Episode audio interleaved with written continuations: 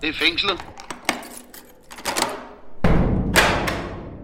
Du lytter til en serie podcast fra Fængselshistorisk Selskab, hvor vi sætter fokus på det danske fængselsvæsen i fortiden, i nutiden og indimellem i fremtiden. I 2023 er det 75 år siden Danmark fik de første kvindelige præster.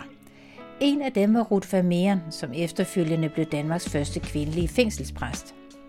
Hun skriver sig ind i fængselshistorien som en særlig person.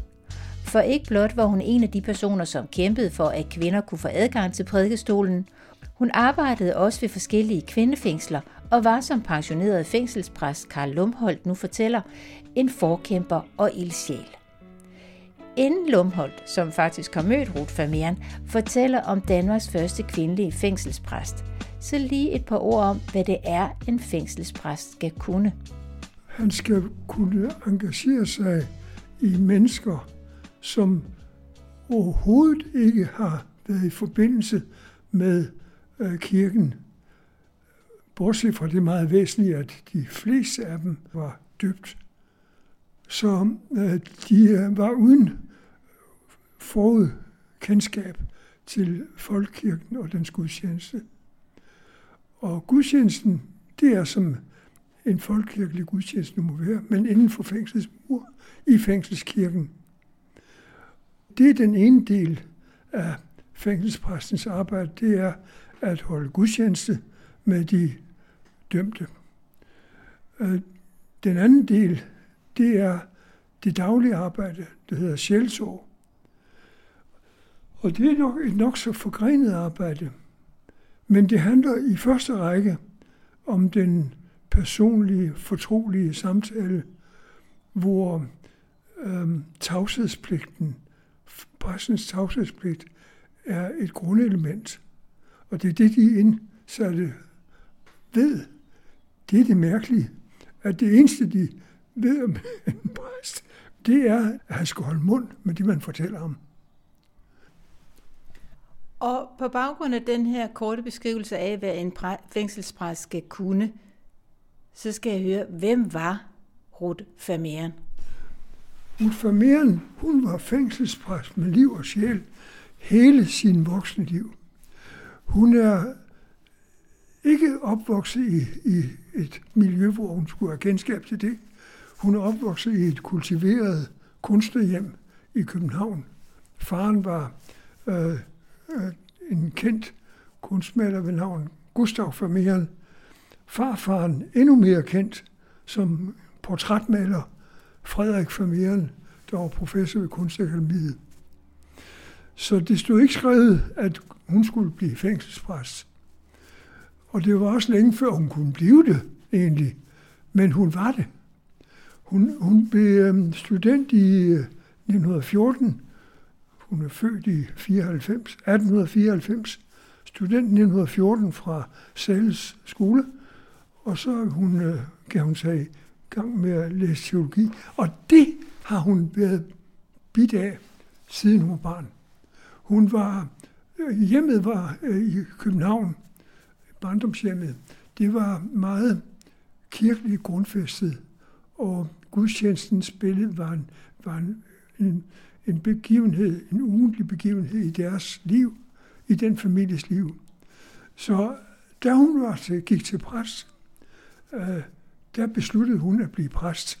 Og det var hun fastholdt siden sin konfirmationsundervisning. Og øh, så kom hun på universitetet, i, øhm, øh, da hun øh, var blevet student, og blev hun, så blev hun teologisk kandidat i 1927. Øh, og og øh, øh, allerede under studiet engagerede hun sig i fængselspræstens arbejde. Men så blev hun fra 1927, der blev hun, blev hun frivillig i Vesterfængsel. Først i 11 år var hun frivillig assistent hos præsten. For hun kunne ikke blive ordineret. Uh, hun, var, hun var kvinde, og der var ikke adgang for kvinder til præstembedet.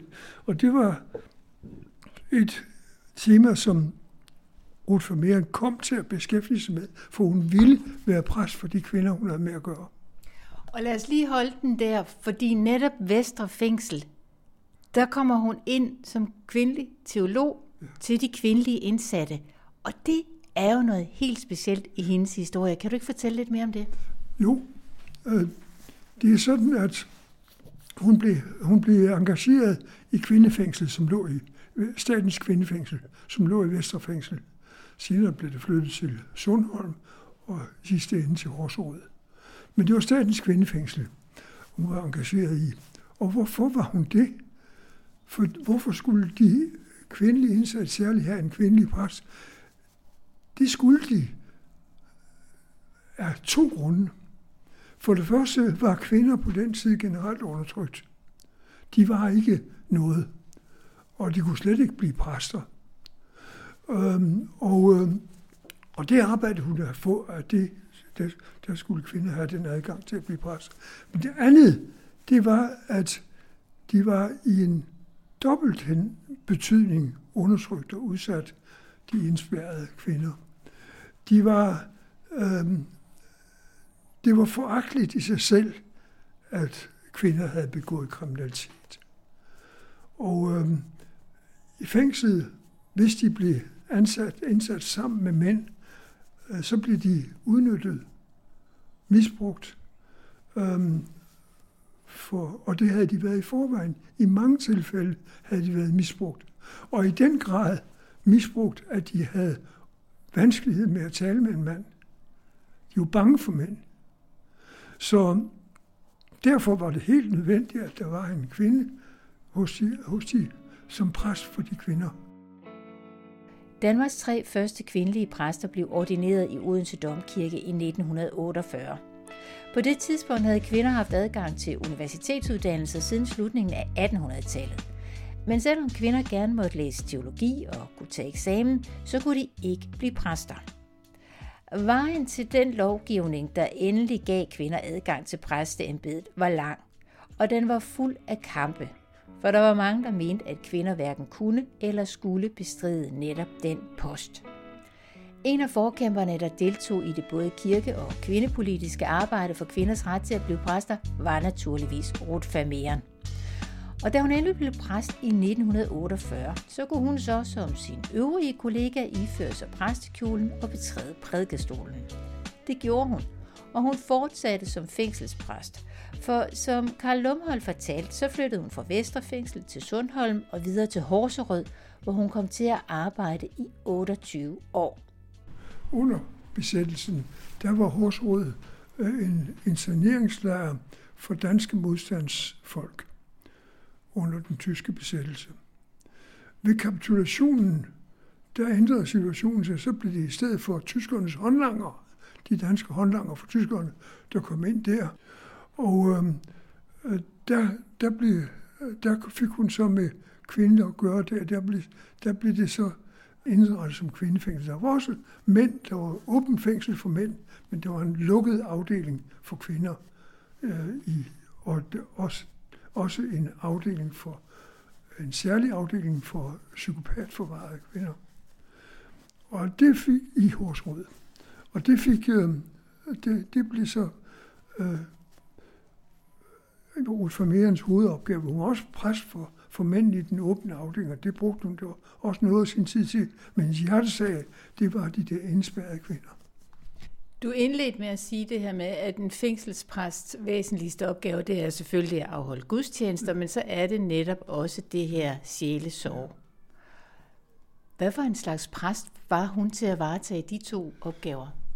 Hun var en fremragende præst, for det er jo ikke bare det også, at, det, at sidde og tale med de mennesker og lytte. Hun var enormt god til at lytte og sætte sig ind i andre menneskers livssituation og specielt de udstødtes livssituation. Øhm, hun havde så mange egenskaber til det, der gjorde hende god til det. For eksempel, at hun under sit, sit øh, ophold i Vestre Fængsel, der øh, uddannede hun sig som talelærer. Der var mange af dem, der havde svært ved at kommunikere. Så uddannede hun sig som talelærer ved Statens Institut for Talelidende. Og så blev hun talelærer, det vil sige det, det som man i dag kalder logopæd. Um, øhm, og det, det blev hun, men, men øh, og, og arbejdede sådan, sådan, sådan, sådan i fængslet. Det blev hun ikke lønnet for, men det, hun, hun fik nogle fremragende egenskaber ved det.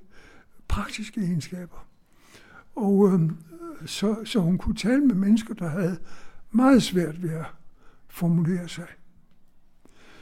Um, og så kunne hun også gennem med baggrund i hele det arbejde, hun havde gjort for at få øh, for at kvinder kunne blive præst, for det, det førte jo meget arbejde med juridisk arbejde med at kunne, kunne gøre sig gældende og tale med, med myndighederne om det, og, og og inde i rigsdagen også var hun jo flere gange.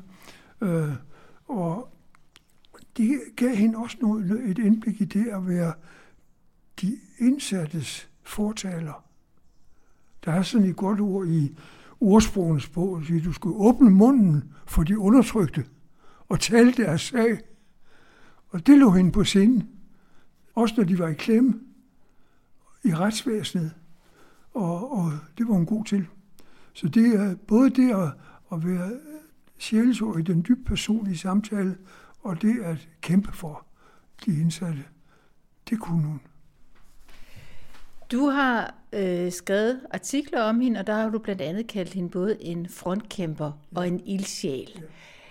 Ved du noget om, hvordan fangerne, de indsatte, hvad de egentlig mente om hende? Om, om de også så hende som den her frontkæmper og ildsjæl? Ja, det ved jeg nok. Fordi øh, der, der, øh, fængselsvæsenet har ikke altid været god over for øh, fængselskirken øh, eller fængselspræsterne. Øh, de egentlig så de ofte hellere vores ryg. Øh, og øh, det har hun også fået at mærke. Da hun øh, i 1964 fyldte 70 år, der skulle hun jo pensioneres. Og hun blev pensioneret.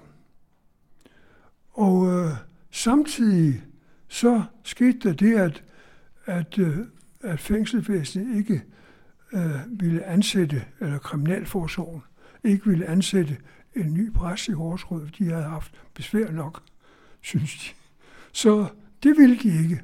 Og øh, så øh, sendte samtlige fanger, samtlige fanger i Horsrød, både i den åbne afdeling og i øh, kvindefængslet, alle sendte de en henvendelse, skriftlig henvendelse til øh, Direktoratet for Kriminalforsorgen, at de ville beholde præstembedet. Og, øh, og de skulle have en fængselspræst. Den blev ikke hørt. Hvis de overhovedet fik svar på den, det ved jeg ikke, det har de måske nok fået, men det blev så i så fald negativt. Men for hende, hun blev det afgørende. Hun hørte den skrivelse. Og hun sagde, hvis de skal have en præst, og hvis ikke der er andre, der kan blive det, så må jeg jo fortsætte. Og så blev hun der. Så blev hun præst uden løn, ligesom hun i sine første 11 år på Vestre Fængsel arbejdede som ulønnet præst. Sådan, og, og, og også stedfortræder for, for, for den daværende fængselspræst i Vester. Så blev hun nu øh, præst uden løn på Horsråd. Hun var ordineret, hun kunne holde gudstjeneste. Det kan man godt, når man er fortsat med, når man er pensioneret. Så det gjorde hun. Hun blev indkaldt til samtale hos øh, fængselsinspektør Erik Christensen i Horserød. Og øh, en tjenestesamtale. Han sagde, nu er det tiden, at de går fru, frøken Fameren. For de, jo, de har jo øh, fået afsked. Og øh, så sagde hun, ja, men jeg bliver indtil der bliver ansat en ny. Så skal jeg nok gå. Men indtil der bliver jeg. Og der kom flere samtaler, flere tjenestlige samtaler efter den. Og hver gang skete det samme, at familien ville blive. Og i de øh, øh 11 år, indtil hun var 81, har hun været fængselspræst i Horsrød.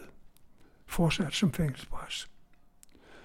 Øhm, og når du spørger om hvad fangerne mente om dem, så kan jeg sige, at det er, det er et meget stærkt vidensbyrd.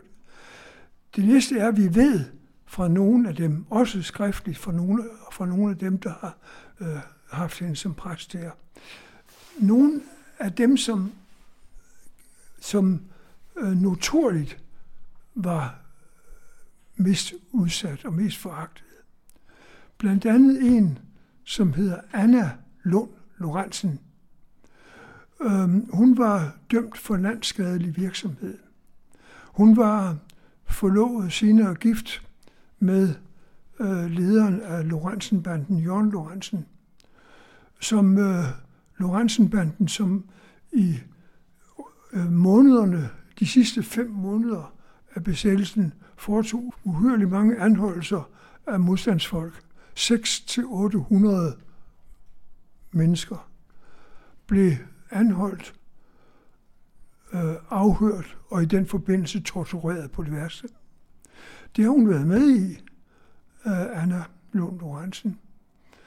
Og det kom også til at stå hende dyrt sidenhen, for i, i, i fængslet, der var hun dobbelt foragtet af den grund.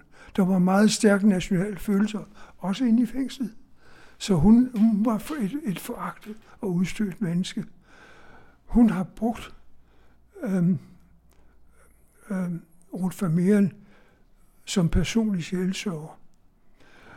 Og hun har siden skrevet, siden udtalt mange år efter sin løsladelse, der har hun udtalt, at det eneste menneske, der, øh, hun, der, der viste hende hensyn og kærlighed i fængslet, det var Ruth Vermeeren.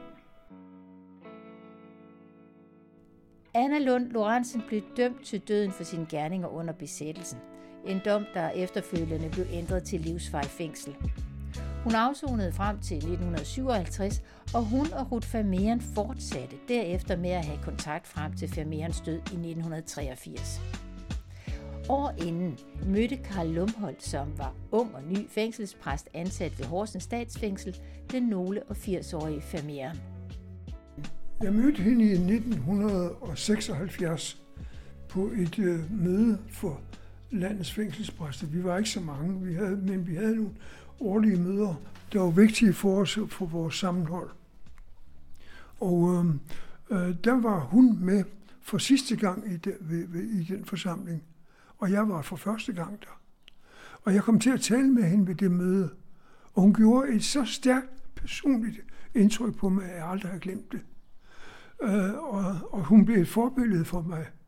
Gennem alt det, hun fortalte mig, det jeg fik at vide. Men så skete der det, at øh, øh, jeg var ny som fængselsbrug. Jeg havde en ret øh, streng tid til en der. Men så henvendte Danmarks Radio sig til mig og ville gerne have en gudstjeneste fra fængslet. Og dem har, det har de gjort flere gange. Men øh, den gudstjeneste, øh, hvor, som blev radiotransmitteret på øh, programmet i øh, 1976 øh, i efteråret. Øh, det var nogle måneder efter, at jeg havde været øh, havde mødt Ruth Vermeeren der ved det møde, jeg lige fortalte om. Og øh, der har Ruth Vermeeren øh, skrevet brev til mig efter den gud, hun, hun, hun har den i radioen. Og hun fortalte i det lille brev, et meget smukt lille brev til mig, at hun havde var gået hen til sin veninde fra sit hjem i Hellerup, var hun gået hen til sin veninde, som var diakonisse på St. Lukas Stiftelsen i Hellerup. Og øh, øh, så havde de siddet, de to gamle damer, siddet og, og hørt den der radiogudstjeneste. Og så sluttede hun, at jeg, hun skrev, forklarede, at hun var nødt til at gå derhen til sin, sin veninde, for hjemme hos mig har jeg, har jeg hverken radio eller fjernsyn. Mig skal der ikke manipuleres med. Så. Ud af dit møde med hende og også dit efterfølgende arbejde med hendes historie, hvis du skal trække et karaktertræk frem i hendes virke, som du har trukket med dig videre over i dit arbejde ja. som fængselspræst, ja. hvad skulle den ene ting så være? Det var den utrættelige opmærksomhed over for det foragtede menneske. Det er det. Det var pensioneret fængselspræst Karl Lumholdt, der fortalte om Danmarks første kvindelige fængselspræst, Ruth Vermeeren. Hvis du vil læse den artikel, han har skrevet om hende, så findes den i Fængselhistorisk Selskabs årskrift fra 2010. Jeg hedder Dorte Chakravarti, og jeg har tilrettelagt og produceret denne podcast i samarbejde med Fængselshistorisk Selskab, som du kan læse mere om på www.fængselshistorie.dk.